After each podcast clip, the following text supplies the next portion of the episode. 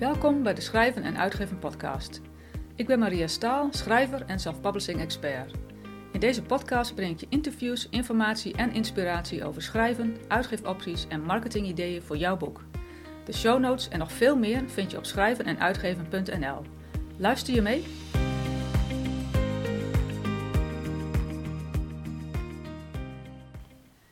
Hallo allemaal, ik ben Maria Staal en dit is nummer 44 van de podcast.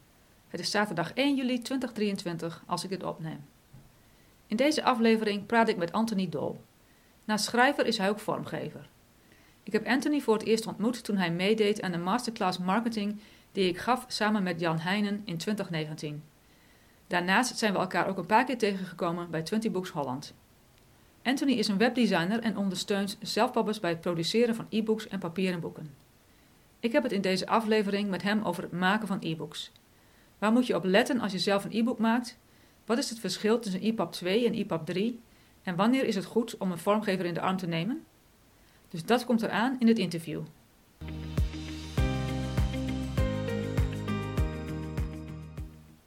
Maar eerst het uitgeefnieuws van de afgelopen maand. In de vorige aflevering heb ik het gehad over de resultaten van de Indie Author Income Survey 2023, die de Alliance of Independent Authors dit voorjaar hield. In juni zijn er naar aanleiding van die survey nog meer diepgaande resultaten bekendgemaakt en deze zijn toegevoegd aan de nieuwe Big Indie Author Data Drop. De Big Indie Author Data Drop is een onderzoek waarin de verkoopcijfers en andere data bij elkaar zijn gebracht door verschillende zelfuitgeeforganisaties zoals de Alliance of Independent Authors, Draft Digital, K-Lytics, 20 Books en Kindle Direct Publishing. De aanleiding voor de Big Indie Author Data Drop is het feit dat de zelfuitgeefwereld te lang heeft gedraaid op anekdotische informatie over verkoopcijfers en inkomen van zelfpabbers. In de cijfers van de traditionele uitgeefwereld worden indies vaak niet of onnauwkeurig meegenomen en dat geeft een vertekend beeld. Dit bleek onder andere uit de eerder genoemde Indie Author Income Survey, waaruit naar voren kwam dat in tegenstelling tot de inkomsten van traditioneel uitgegeven schrijvers, de inkomsten van zelfpabbers stijgend zijn en niet dalend. In de Big Indie Auto Data Drop hebben zelfuitgeeforganisaties hun data bij elkaar gelegd om eindelijk eens duidelijkheid te krijgen over wat er in de zelfuitgeefwereld nu daadwerkelijk gebeurt en de resultaten zijn fascinerend.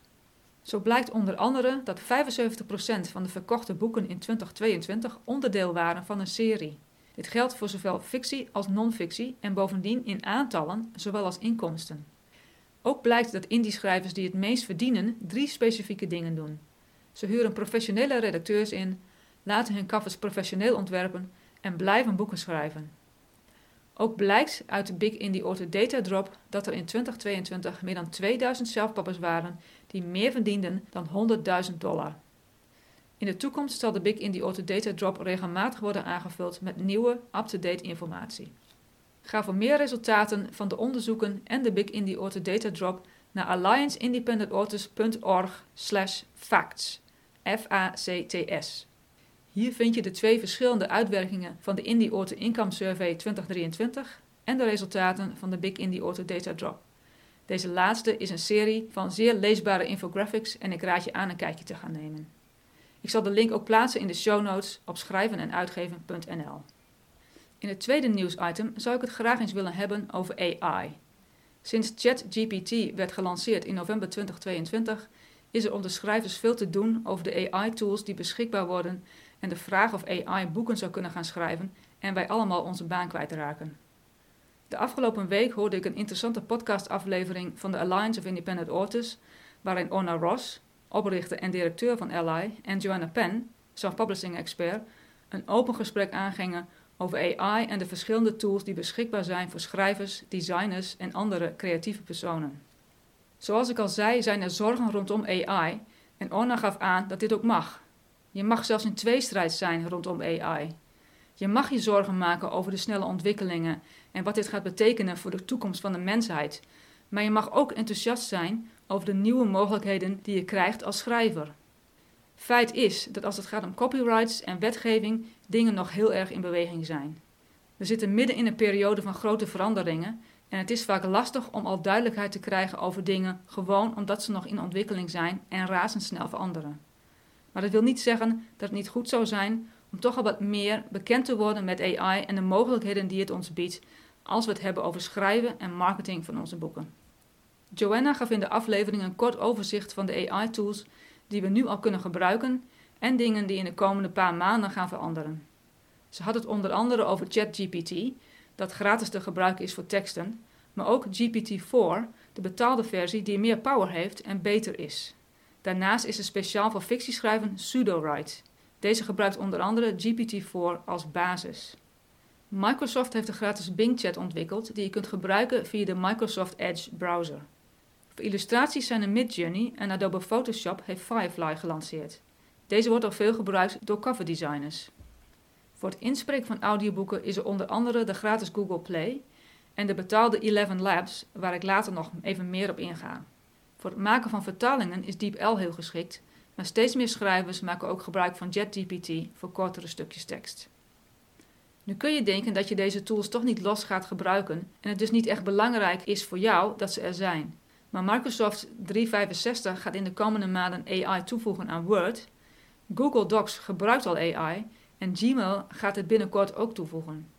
Dus AI zit ook al in heel veel tools die we nu al gebruiken.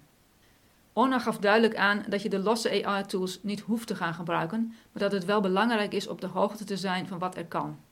Het is volgens Orna ook belangrijk om de angst die veel schrijvers en vormgevers hebben rondom AI te blijven bespreken.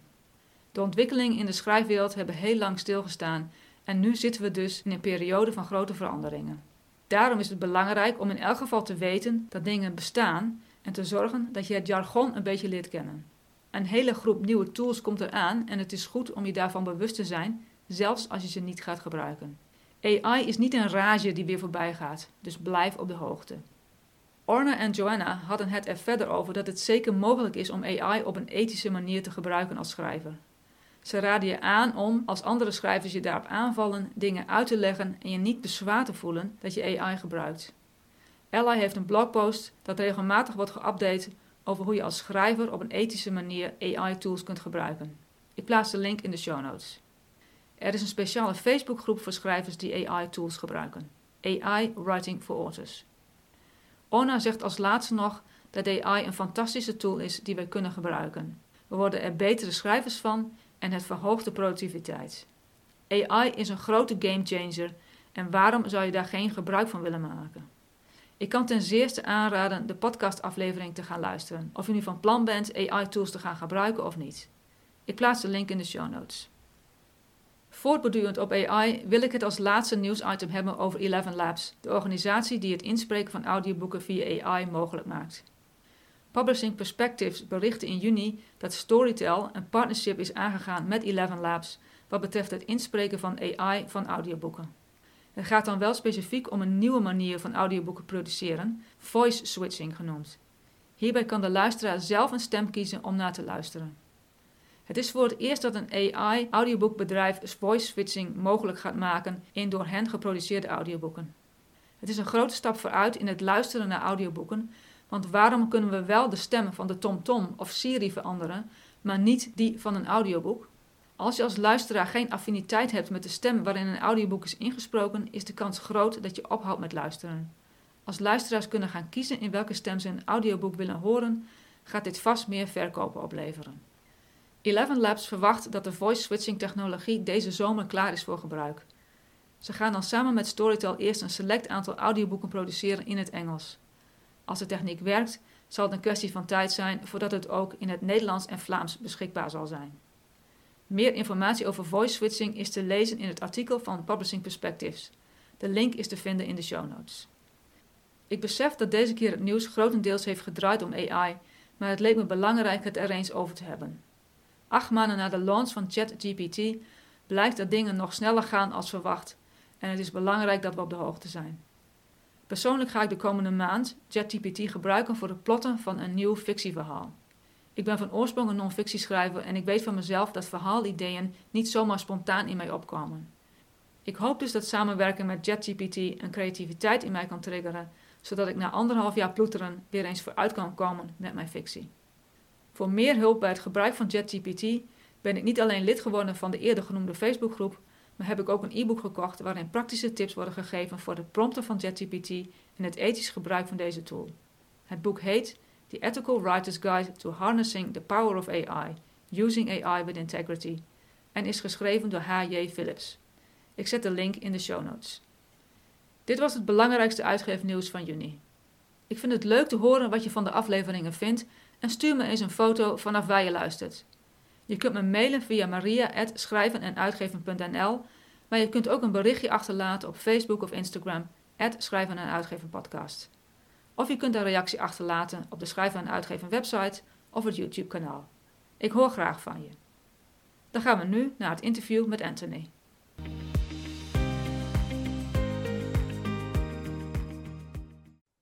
Anthony Dol is schrijver, webdesigner en vormgever. Ook heeft hij een informatief blog over de meer technische aspecten van het maken van boeken en webdesign. Bovendien is hij dienstverlener voor zelfpubbers en doet de opmaak van e-books en papieren boeken voor hen. Anthony kan ons dus alles vertellen over het maken van een e-book. Welkom bij de podcast, Anthony. Dankjewel. Fijn dat ik erbij mag zijn. Ja, leuk, leuk dat je er bent. Uh, wij kennen elkaar al een tijdje via Facebook en alles. We hebben elkaar een paar keer ontmoet in het echt. Ja. Dus, uh, en ik weet gewoon dat jij uh, ja, goede dingen doet voor, voor zelfpappers wat betreft e-books en papieren boeken. Dus het lijkt me leuk ja, om daar eens wat meer over te horen. Maar eerst, kun je iets, kort iets vertellen over jezelf en bijvoorbeeld wat, wat schrijf je?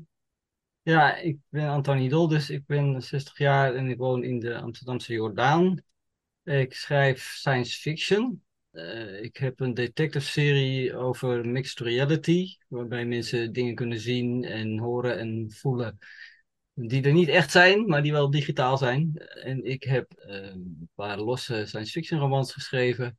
Ik heb heel veel verhalen geschreven, die zijn weer in bundels verzameld. Dus ik sta in vier uh, verhalenbundels. En ik schrijf wat studieboeken over Scrivener, over de schrijfsoftware waarmee je uh, makkelijk snel uh, lange teksten kan schrijven. Dus, ja. Nou, heel veel dus. Je doet heel veel.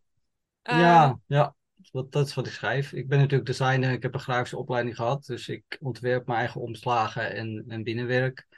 Um, maar dat doe ik ook inderdaad voor andere schrijvers. En ik produceer en publiceer ook mijn eigen boeken. En, ja. dat doe ik ook voor andere schrijvers. Dus dat, ja, dat kan precies. allemaal. Ja. Allemaal heel all-round, zeg maar.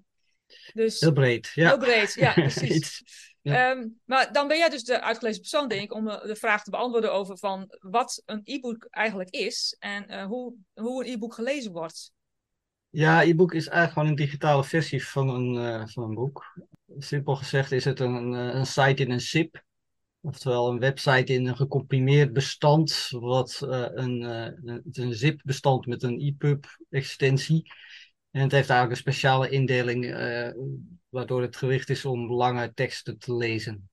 En je hebt eigenlijk twee soorten e-boeken. Je hebt de flow layout e-boeken en je hebt de fixed layout e-boeken. En de normale e-boeken hebben allemaal flow layout en die passen zich aan aan het scherm waarop het bekeken wordt. Eh, als je het op een telefoon kijkt, is het een hele andere belevenis dan als je het op een uh, tablet of op een e-reader leest een fixed layout e-book die heeft hele vaste afmetingen. En dat is wel heel interessant voor kookboeken en voor stripboeken en kinderboeken bijvoorbeeld, waarbij de layout heel belangrijk is en dingen op een vaste plek moeten staan. Precies, precies. Het nadeel daarvan is natuurlijk dat het zich niet aanpast aan het scherm waarop je het bekijkt. Dus je moet een beetje de resolutie hebben, eh, de minimale resolutie die het boek heeft. Het boek kan je dus natuurlijk ook aanpassen aan de resolutie van bepaalde apparaten. Maar het, het, uh, het boek past zich niet aan aan het scherm, zoals in de flow layout uh, versie wel. Dus normaal zijn boeken altijd flow layout en kan je ze op alle apparaten lezen uh, waarop je wil. Ja. traditioneel wordt het natuurlijk op een e-reader gelezen met een zwart-wit scherm wat weinig stroom verbruikt en heel lang meegaat. Mm -hmm. um, maar tegenwoordig wordt het steeds meer op tablets en telefoons gelezen. Um, dus het is heel zinvol om kleur te gebruiken in e-boeken. Want uh, op tablets en op uh, telefoons zijn die prima te zien. En je hebt tegenwoordig ook een paar e-readers die uh, die kleur kunnen laten zien. Dus eh, ja, zwart-wit is niet een, een voorwaarde. Of zo. Nee, nee, precies. precies. En nog even een, een, tussenvraag die ik zo bedenk van, is een pdf ook een e-book? Ja, voor mij is PDF een elektronisch document. En je kan natuurlijk een, uh, een boek in, als een document beschouwen. Dus ja, je ziet dat heel veel e-boeken als PDF weggegeven worden, als uh, reader magnet bijvoorbeeld. Ja, ik, ik vind het niet echt een, een e-book. E-pubs zijn echt gemaakt om ja, lang te kunnen lezen op apparaten die daarvoor bedoeld zijn. En een e-pub is gewoon een generiek elektronisch document die, uh, ja, waar je alle documenten in kan stoppen die, je, ja, die je leuk ik, vindt. Precies, ik, vind een, ik vind een PDF ook geen e-book hoor. Dus, uh, maar, maar, goed, dat is, ja, je ziet het inderdaad wel vaak dat heel veel, ja, heel veel schrijvers ook nog ja, PDF, dan, dan, dan zeg je wel, download mijn e-book en dan krijg je een PDF. En dan denk je, oké, okay. dat is een beetje vaag. Ja, ja, dat, ja. ja, dat, zie, ja, dat, zie je, dat zie je dan wel. Ja, als je e-book zegt, dan bedoelen we meestal wel een e-pub. En uh, dat is in iets ander formaat natuurlijk. En, uh, PDF kan alle soorten elektronische documenten laten zien. En e-pubs zijn speciaal om lange boeken te lezen. Ja, lange absoluut. teksten. Ja. En als schrijver, en je gaat zelf uitgeven, eh, welke mogelijkheden uh, heb je dan uh, om een e-book te maken, zodat het goed leesbaar is? Kun je dat zelf doen als schrijver, of moet je daar iemand voor inhuren? Ja, je kan het zelf doen natuurlijk. Er zijn een heleboel programma's voor, heel veel software. Je hebt bijvoorbeeld de Word to EPUB plugin van DC.org. Die kan je gebruiken om vanuit Word gewoon een e-book te, e-book te publiceren. Dat is een beetje een, hoe zeg je dat? Ja, een beetje een onhandig, onhandige tool. Je moet ook alle headers in Word precies goed hebben om er een goed resultaat uit te krijgen. Dus ik ben er niet heel fan van, maar het werkt wel als je uh, niks anders hebt. je kan een Word-document natuurlijk uh, mooi opmaken, zodat het door de publishing platforms wordt opgepikt en omgezet wordt tot e-book. Dus bij uh, Cowboy Writing Live en bij uh, Kindle Direct Publishing en bij Draft to Digital, Digital ja. kan je overal gewoon een Word-document ingooien. Uh, die moet je wel van tevoren goed opgemaakt hebben, goed geformateerd hebben, zodat de converter snapt wat waar staat en wat waar hoort en zo.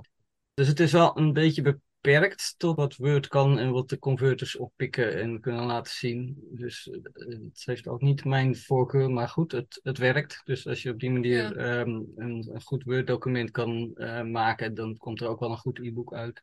Ja, ik denk, ik denk als, je, als je bijvoorbeeld uh, fictie schrijft en je hebt alleen maar tekst, dan is well, ja, is het best een goede manier om te gebruiken, denk ik. Ja. Als, je, als je verder geen, ja, als je zegt van nou, ik heb geen geld om een designer te, in te huren, of dan, dan is dat best een goede mogelijkheid. Ja, ook dat. Ja, of die eerste plugin, die Word plugin, is dan ook een optie. Maar ja, dat heeft dezelfde voorwaarden. Je moet echt een heel goed Word document van tevoren opmaken en dan komt er een redelijk resultaat uit. Zeg maar. Ja, dus, precies. Ja, wat ook kan is als je met Scrivener werkt, is om een export of een comp Scrivener te compileren naar uh, e-book. Dat geeft je heel veel controle wel over uh, wat er uitkomt. Dat is wel heel fijn. Het nadeel is wel dat het niet 100% goed e-book wordt. Er zitten wat bugs in het programma waardoor eh, wat dingetjes niet helemaal lekker gaan. Dus je moet het altijd wel nabewerken. Dat geldt sowieso wel eigenlijk uh, altijd in mijn geval. Hetzelfde geldt als je al een gedrukt boek hebt en je hebt een InDesign bestand. Wat door een vormgever is gebruikt om uh, een PDF te maken die gedrukt kan worden. Dat InDesign kan ook e-boeken exporteren.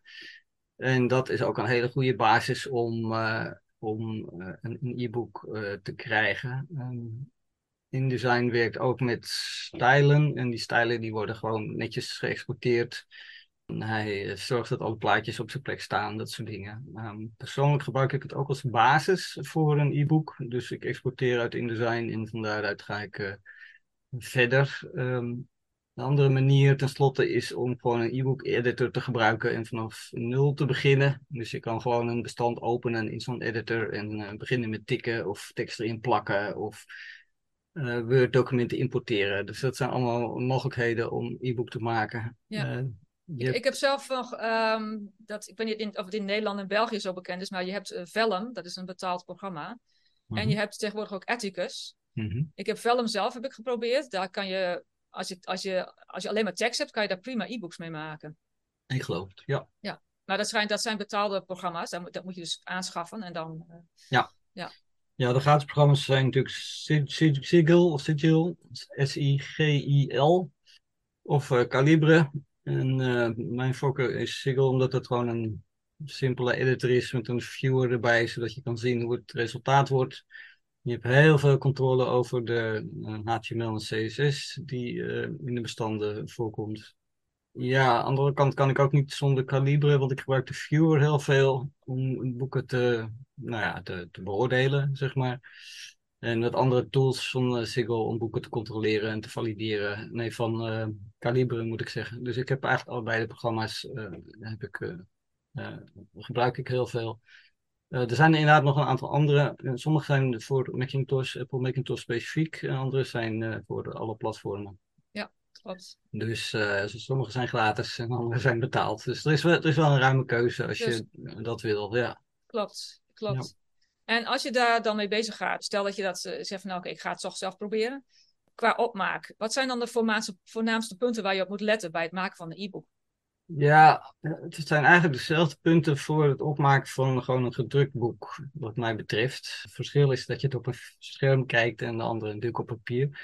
Uh, maar ik ben altijd wel een voorstander van mooie creatieve hoofdstukopeningen. Dus uh, doe iets met een hoofdstukopening waardoor het goed herkenbaar is als een nieuw hoofdstuk, uh, anders dan gewoon een, een, iets grotere kop.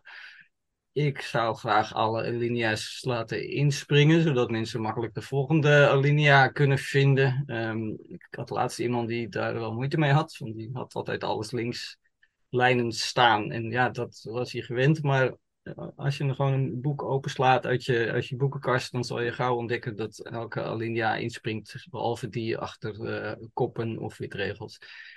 En dat zou ik in een e-book ook verwachten.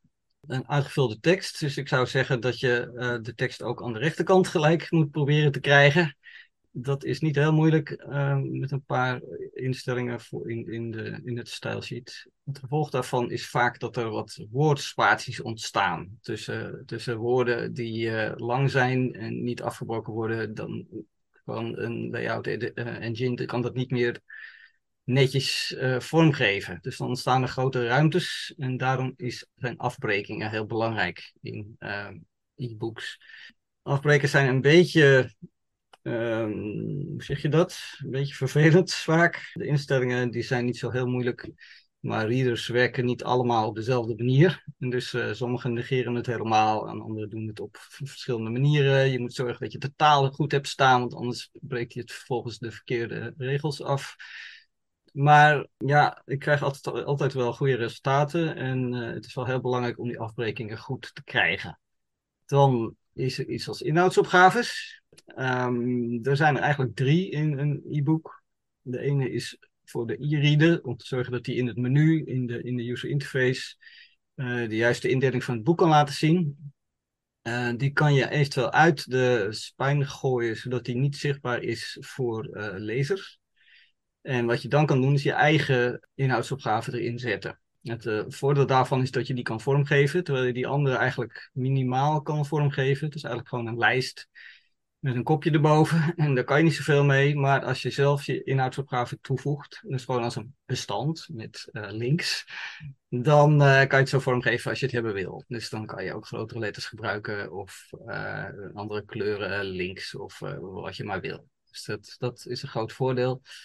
De derde inhoudsopgave is eigenlijk om met terugwerkende kracht in oude e-readers een goede inhoudsopgave te krijgen. Het is uh, om compatibel te blijven met, uh, met oude e-readers.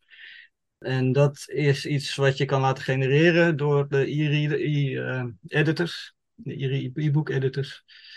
Dus die hoef je vaak niet zelf in elkaar te tikken, want het is meestal een vervelend klusje waarbij je echt heel precies alle volgorde van de inhoudsopgave goed moet hebben.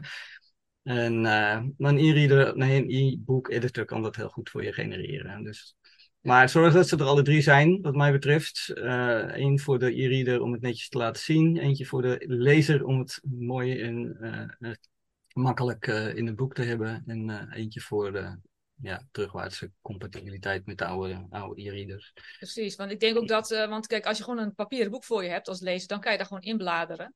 En je gaat, oké, okay, uh, dit is pagina, uh, hoofdstuk 3 begint op pagina 20, ik zeg maar wat. Dan ja. kun je dat makkelijk opzoeken. Maar bij iedere e-reader is het niet zo. Dus dan zijn die links zijn wel heel belangrijk, denk ik. Ja, wat mij betreft wel, zeg maar. Behalve dat de e-reader het zelf kan laten zien op de tablet of de telefoon.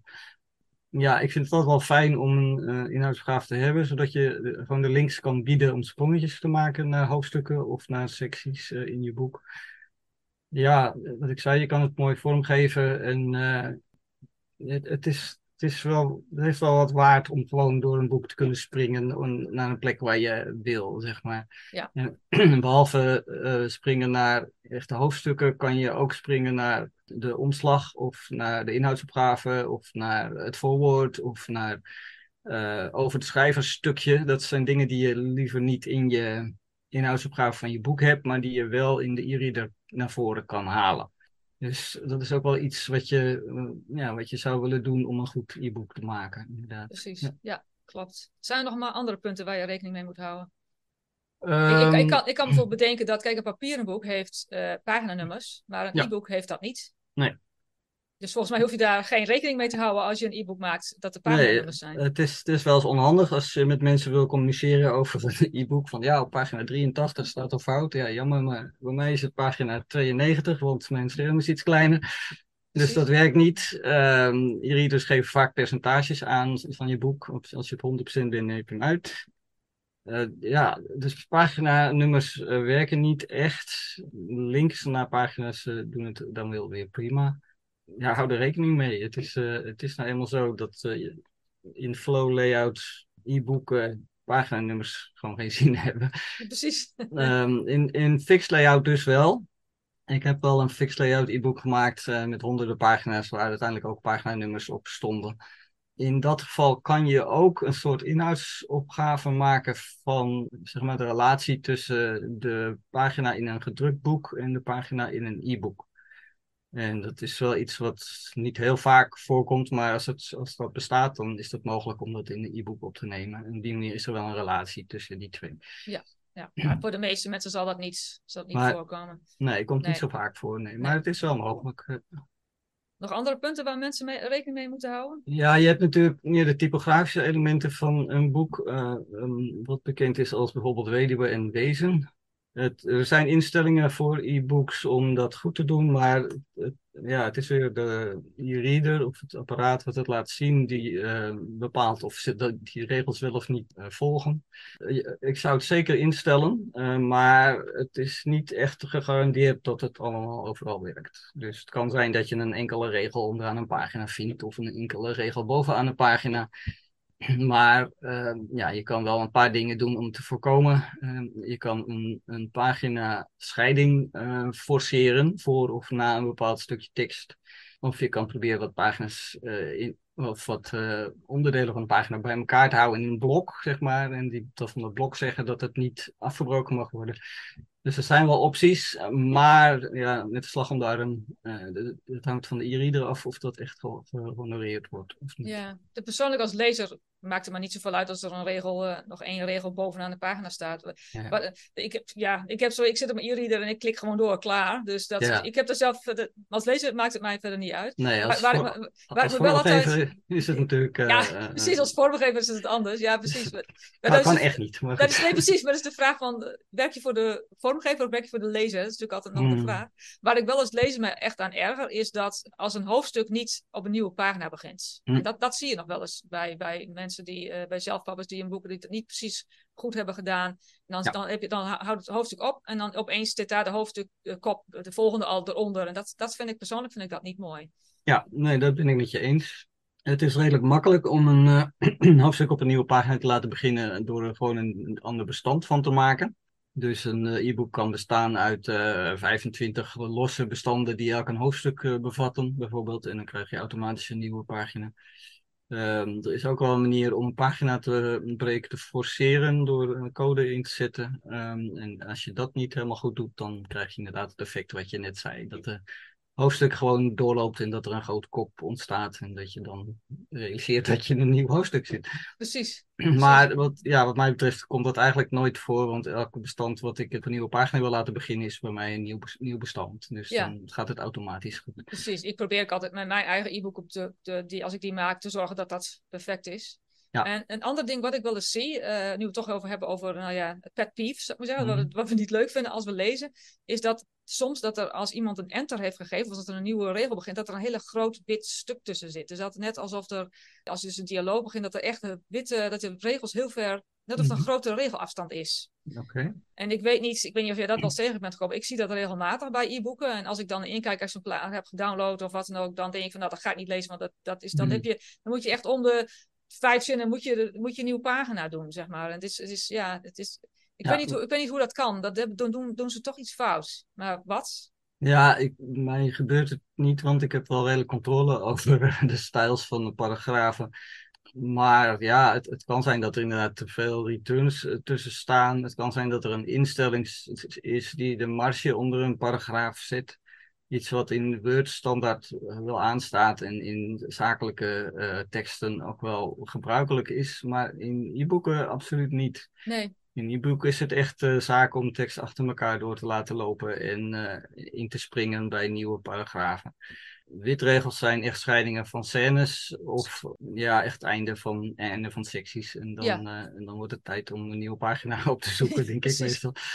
Dus ja, scènescheiding met witregels kan natuurlijk wel binnen een hoofdstuk. ja, of met drie van die sterretjes, hè, dat kan natuurlijk ook. Ja, daar ben ik geen fan van, maar ja, het is niet ongebruikelijk, laat ik het zo zeggen. Nee, nou, wat ik zelf merk is dat Ja. ik als ik, eh, als ik een e-book lees, dan soms dan komt de witregel tussen scènes onderaan te staan. En dan lees je door en dan, dan, dan heb je dus niet, dan kun je moeilijk zien op de e-reader soms dat er een nieuwe scène is. Ja. Omdat je dan min of meer dat het doorgaat. Dus dan zet ik altijd drie sterretjes, dan weet men in elk geval zeker dat er, dat het door, dat er een nieuwe scène komt.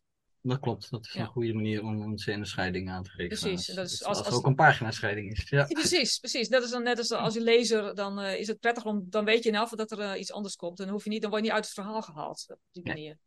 Ja, Een ander issue is dat er witte pagina's kunnen ontstaan. Dat gebeurt nog wel eens, dat je een e-book leest en dat er opeens nog een heel leeg scherm tussen zit. De reden daarvoor is meestal dat er een eh, marge gevraagd wordt onderaan de vorige pagina die niet op de vorige pagina past. En het gevolg is dan dat de pagina die daarna komt, die heeft dan wel die marge, maar ja, er is verder geen tekst te zien en er is een paginascheiding achter, dus die besluit dan dat het gewoon een lege pagina wordt. Ja, En De oplossing daarvoor is natuurlijk om te zorgen dat die marge er niet is. En dat is wel eens een uitdaging. Want ja, soms wil je wel onder een plaatje een marge bijvoorbeeld. En als het plaatje dan onderaan de pagina staat, heb je daarna een witte pagina. Dus Ja. dat, dat is iets waar je, ja, waar je op kan letten. En dit is dus wel de reden waarom dat gebeurt. Eh, er is iets wat op die pagina staat wat niet te zien is. En dat moet je weghalen. Om te zorgen dat die lege pagina verdwijnt. precies. Nou, Ja. persoonlijk heb ik altijd, dat is een van mijn regels, als ik alleen tekst heb gewoon, dan kan ik zelf wel een e-book maken. Maar zodra ik er plaatjes bij heb of andere bullets, bullet points wat dan ook, dan, dan huur ik een designer in. Want dat ga, ik, dat ga ik echt niet. Daar heb ik geen zin in om dat allemaal uit te moeten zoeken. Ja. Dus persoonlijk huur ik dan altijd iemand in die dat voor mij kan doen. Die kan, dat gaat veel sneller en dan heb ik ook geen stress.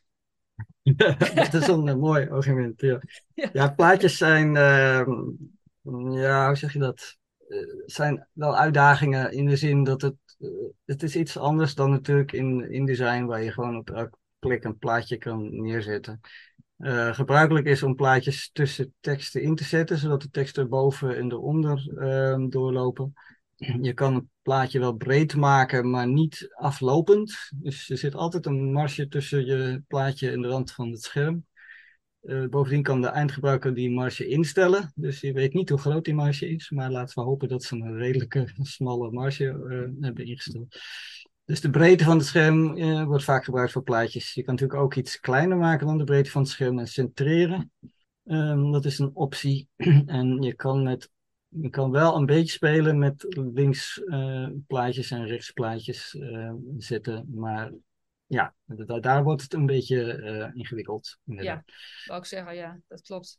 Ja, bij over de schrijver ehm, zul ik vaak wel een portretje zien en die zet ik dan eh, rechts, rechts en laat de tekst eromheen lopen. en dat werkt, maar ehm, ja, je moet er niet mee, eh, niet, te moeilijk mee doen, want eh, dan kan je zelf alleen maar de vingers snijden. Ja, nee, want dat, want dat is het punt. Als een lezer, die kan, zeker met een e-reader, kan dingen gewoon helemaal zelf instellen. Je kunt, de- je kunt de lettergrootte instellen, je kunt de marges instellen, je kunt weet ik, heel veel dingen instellen. Dus eigenlijk als, je kunt als vormgever of als schrijver wel willen dat het er zo uit gaat zien, maar dat wil helemaal niet zeggen dat, dat, dat de lezer het daarmee eens is en die gaat gewoon dingen zelf aanpassen. Ja, Dus, dat ja. is dus, dus eigenlijk heb je als schrijver nooit 100% en vormgever nooit 100% controle over hoe je e- e-book eruit gaat zien als, als, als de lezer het leest. Ja, dat klopt. En uh, als, ik- voor- als vormgever wil ik wel graag een bepaald uiterlijk aan een boek meegeven. Ik vind dat een non-fictieboek er toch wel anders uit moet zien als een, eh, een, een, fantasy eh, verhaal. Dus ik wil wel wat invloed daarop uitoefenen. Maar je hebt helemaal gelijk. Als de eindgebruiker een lettertype instelt die bij de e-reader meekomt, dan wordt het getoond in die lettertype. Als die de marges verandert, dan eh, veranderen de marges. Kan ik niets aan doen. Behalve als het een fixed layout e-book is. Eh, je hebt ook iets eh, als eh, headers en footers. Die door eindgebruikers kunnen ingesteld worden en waar ik ook helemaal geen controle over heb. Dus ik weet niet wat er in, in de header boven mijn boek staat of in de footer onderaan mijn boek staat. Dus ja, daar, daar, daar heb ik geen controle over. Ehm, dan, maar wat, dat is een beetje wat ik noem de, de lowest common denominator. Zeg maar de, het, het, het laagste niveau waarop een e-book eh, moet werken, moet goed zijn. Ja. En, ehm, daarboven kan je dingen doen die het mooier maken, maar je mag er niet van uitgaan dat het er ook echt zo uitziet op de, het, het, het apparaat. Precies, En dat is gewoon iets, ja, daar moet je bij neerleggen dan, denk ik. Ja. Ja, Het is voor Ja. mij wel eens frustrerend als ik een, eh, mooi lettertype heb gekozen die een bepaald uiterlijk heeft en het wordt getoond in een totaal ander lettertype. En dan, eh, ja, dan ziet het er anders uit. En het is wel eens heel leuk om in een viewer gewoon andere lettertypes te proberen om te kijken hoe het eruit ziet. En dat doe ik ook wel eens. Maar eh, ja, ja, persoonlijk eh, stop ik altijd wel lettertypes in eh e-boeken omdat ik een bepaalde voorkeur heb. Maar dat garandeert niet dat een eindgebruiker dat met dat lettertype ziet. Nee, nee, nee, precies, precies. klopt. En, en je had het nou eerder over het, eh, het flow, dus als e-book, je hebt EPUB 2 en EPUB 3. Ja, En soms, dat- je hebt, je hebt vaak eh, dat als mensen dan een, eh, zelf een ISBN nemen, dan moet je dus gaan kiezen.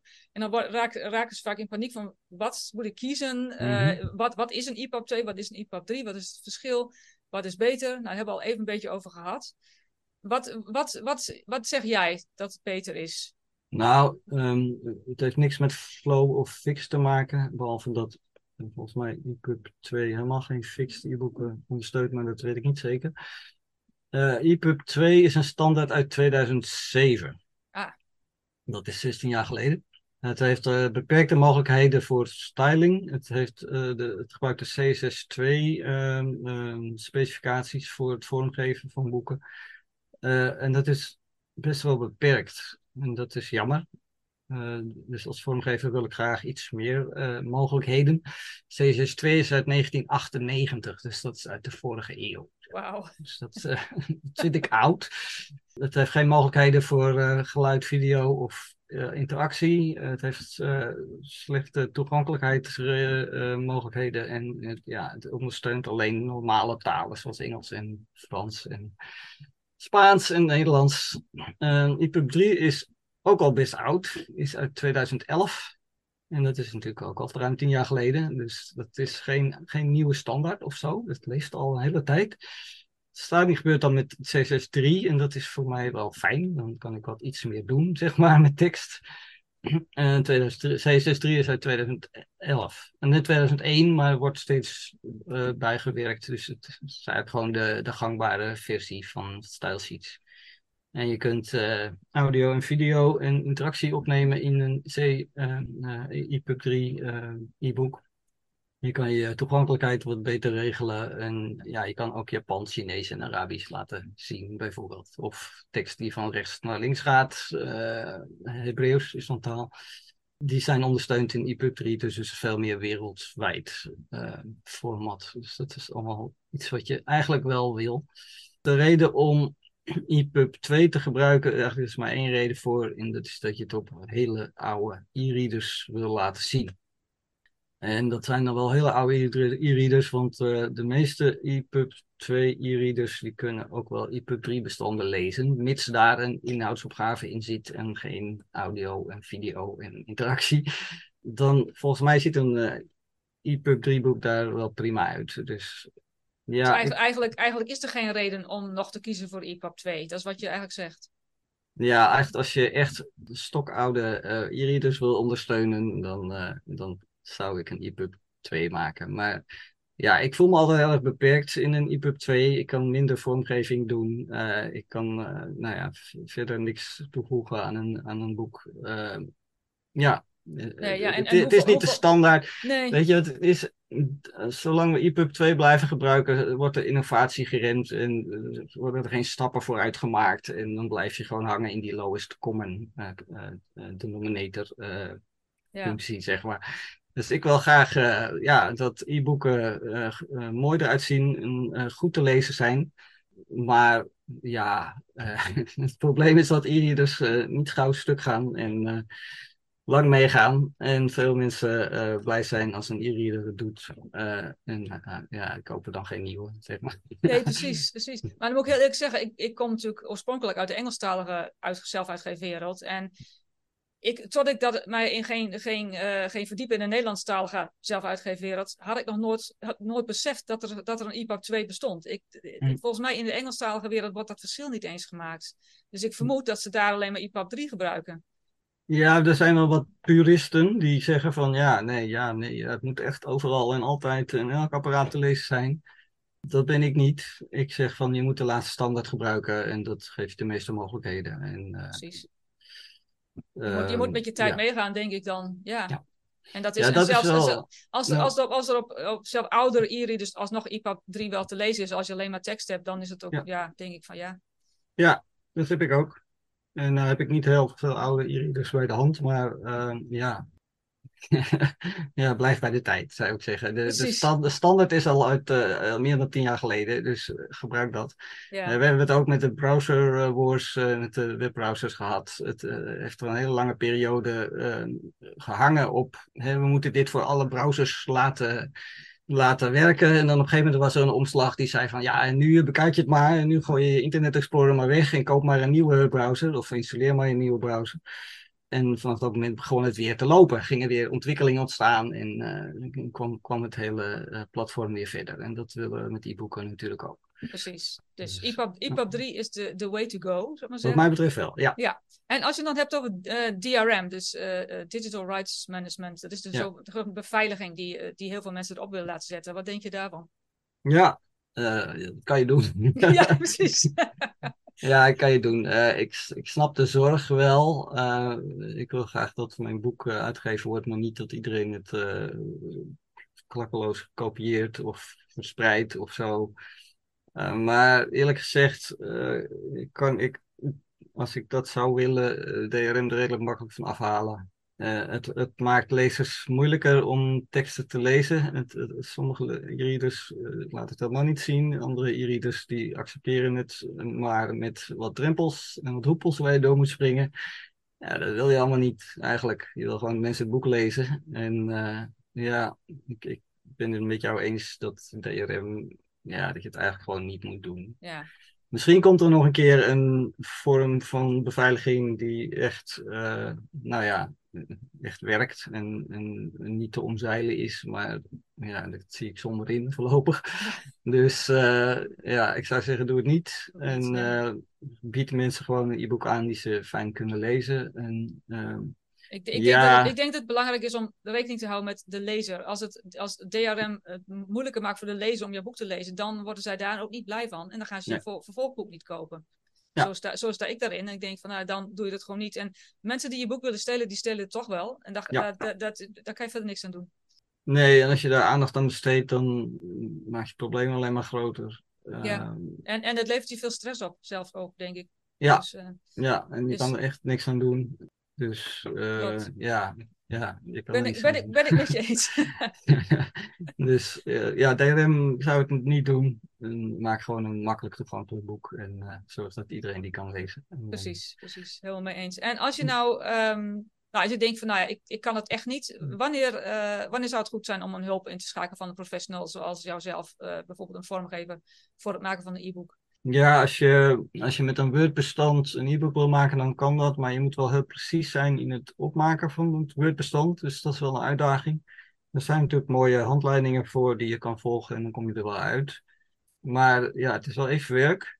Dus daar moet je al bereid toe zijn. ja, Ehm, ik zou, ik zou bijvoorbeeld de, de stijlgids van Smashwords, die kun je gratis downloaden. Die gebruik ik zelf altijd om een goed Word-document te maken. En dat werkt altijd. Ja. Dat werkt goed. Dat zal wel werken, ja. Ja, ja, oké. De vraag is hoe, hoeveel wat de kwaliteit is van dat e-book. Zitten alle onderdelen die je wil hebben in het e-book, uh, zitten erin. Maar als je het goed doet, dan, dan werkt dat wel. Maar je moet er wel zin in hebben. Het is wel even, je moet er even voor gaan zitten, zeg maar. Toch? Klopt, klopt. En vooral als ik denk als je tekst, voornamelijk tekst hebt, dan is, het, dan is dat wel te doen met de stijlgids. Oké. ja. ja. voor mijn gevoel. Ja. ja, ik zou zeggen, als je een, een Scrivener of een InDesign bestand hebt, uh, dan heb je een goed export uh, voor het begin van een boek. Voor mij is dat altijd wel een mooie basis om vanuit te, te, te beginnen, om vanuit te werken. Dus dat, je zou gewoon een Scrivener of een InDesign bestand kunnen aanleveren aan een, aan een vormgever. En die kan er dan een mooi e-book van maken. Meestal moet je wel in e-book editors werken. Dus als je geen zin hebt om uh, Sigil of uh, Calibre eigen te maken, dan, uh, ja, dan kan je dat ook aan iemand anders overlaten. er zijn natuurlijk nog andere softwarepakketten, die moet je ook allemaal leren. Dus wil je dat niet, dan, dan zijn er mensen die je toch wel kennen. Dus die kan je dan een, een, een bestand toesturen. Wat wel belangrijk is, dat er metadata in je e-book zit. Uh, dus als je niet bekend bent met dat fenomeen, is het misschien wel een idee om dat over te laten aan iemand. Het is wel iets wat de editors makkelijk kunnen toevoegen, als je weet hoe. Um, ja, dan heb, je het over, heb je het over uh, zoekwoorden en um, de cover uh, nou, nee, ja, metadata is wie is de schrijver, uh, wanneer is het gepubliceerd, wat zijn, wie heeft de copyright van het boek, staat er bijvoorbeeld in, is het deel van een serie, dat zijn dingen die je op wil nemen in je boek. En dat soort data wordt door de, de platformen als Kobo Writing Live, Kindle Digital, Direct Publishing en Drafting Digital wel opgepikt om te laten zien in hun, in hun website. Dus dat, mag je niet weglaten eigenlijk, omdat er dan geen gegevens zijn over het boek om die te laten zien. Dus dan heb je een, een, een omslag misschien en uh, een titel, en dat is er dan, een schrijver misschien nog. Maar dan houdt het wel op, uh, dus dat is niet goed. Je moet echt zorgen dat er metadata in zit. Um, en bovendien wordt er flaptekst, die normaal achter op een boek staat, wordt in de metadata opgenomen als een beschrijving van je boek. En die worden door die platforms opgepikt en uh, getoond. En zo kan je toch je flattekst laten zien. En dat is natuurlijk geen onbelangrijk uh, verkoopaspect uh, van je boek. Zeker niet. Dus ja, zorg dat die flaptekst in de beschrijving staat. En zoals ik al zei, copyrightgegevens en, en deel van een serie. Dat zijn allemaal dingen die je in metadata wil opnemen. Dus het, het is niet moeilijk om metadata in een e-book op te nemen, maar het is wel belangrijk. Dus je moet het wel even goed doen. Ja, en als, als je denkt van nou, dit gaat me echt niet lukken, dan kun je altijd de hulp inschakelen van een vormgever. Ja, ja een ander ding is uh, lettertypes. Ik heb wel uh, mensen gehad die zeiden van ik heb een, uh, een, mooi boek gemaakt, ik heb ook een mooi e-book gemaakt, maar het lukt me niet om lettertype erin te krijgen. En ik wil toch dat het een goede vormgeving heeft. kan je er even naar kijken. dus daar zou ik, zou ik of een andere vormgever bij kunnen helpen om te zorgen dat, dat, dat dat goed komt. Ja, uh, ten slotte, um, ja, je moet een e-book valideren. Veel mensen slaan dat over en dan werkt dat ook wel. Maar dan zitten er waarschijnlijk wel fouten in. Uh, valideren is heel erg kijken of alle links uh, werken. Of het ergens naartoe gaat. Of het niet naar een pagina gaat die niet bestaat. Of naar een interne link op een pagina die er helemaal niet meer is. dat soort dingen komen bij valideren allemaal boven water. En dat is, dat is wel belangrijk dat het allemaal goed is. Um, als je bijvoorbeeld in de Kindle Previewer uh, de, je boek wil bekijken voordat je het uh, uitbrengt, dan laat Kindle Previewer hem helemaal niet zien als er geen fout in zit. Die zegt echt van, nou, dit, dit doet het niet hoor, je kan het niet mee. Precies, klopt. Dus ja, validatie kan in, in Sigil, in Calibre of in EPUB checken. En alle apparaten natuurlijk. Je kan op je desktop checken, je kan op je laptop checken, je kan op een tablet checken, je kan op je telefoon checken. En uh, tenslotte natuurlijk ook op je weer, om te kijken of het allemaal goed uitziet. Ja. Dus valideren is wel belangrijk. En het is iets wat ik altijd wel redelijk consciëntieus doe. Zoveel mogelijk apparaten en zoveel mogelijk uh, software om te kijken of je niet rare dingen doet. Dus valideren is wel belangrijk en uh, testen op verschillende apparaten is ja. is sowieso ja, heel erg belangrijk. Dus wel onderdeel van je proces uh, zou dat moeten zijn. Ja, absoluut, ja zeker weten. Ja. Absoluut. Nou, je hebt heel veel verteld over uh, hoe je een e-book kunt maken. Ik denk dat ja, erg, uh, dat, mensen, dat luisteraars daar veel aan kunnen hebben. Waar kunnen mensen meer vinden over jouzelf en wat je doet? Nou, ik ga een beetje met open vizier het intranet, internet op, zeg ik altijd. Dus je kan gewoon op mijn naam zoeken. En mijn naam is Antoni Dol met een I. Antoni met een I. En geen uh, Y of een lange I of een H ertussen of zoiets. Um, dus het is gewoon antonidol.nl. Daar vind je een about pagina als je meer over mij wil weten. Ik heb een blog op antonidol.nl. Er staat ook iets over diensten die ik allemaal verricht. Ik heb natuurlijk science fiction boeken en ik heb schriftelijke boeken, dus die vind je allemaal daar. Uh, op Facebook ben ik auteur Antoni Dol aan elkaar. En op Twitter gewoon @antonidol, ja, Instagram a.j.dol. Uh, mijn e-mailadres is gewoon info@antonidol.nl. Dus wat ik zeg, ik ga gewoon met mijn eigen naam het internet op. En als je daarop zoekt, dan vind je me wel. Dan vind je ja, hartstikke goed. Nou, dankjewel ja. voor jouw uh, goede uitleg. En uh, tot de volgende keer misschien. Ja, graag gedaan.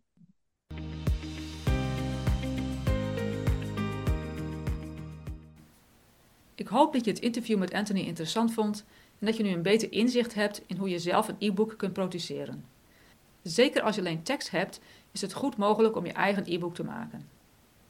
De volgende keer ga ik in gesprek met Suzanne Derksen, de Nederlandse vertegenwoordiger van Kobo Writing Live, het zelfuitgeefplatform voor e-books en audioboeken. Met haar heb ik het erover waarom het een goed plan is om je e-books en audioboeken via Kobo Writing Live uit te geven en wat je daarvoor nodig hebt. Ook hoor je meer over Kobo Plus en waarom je e-book daar niet mag ontbreken. In de tussentijd veel plezier met het schrijven en tot de volgende keer.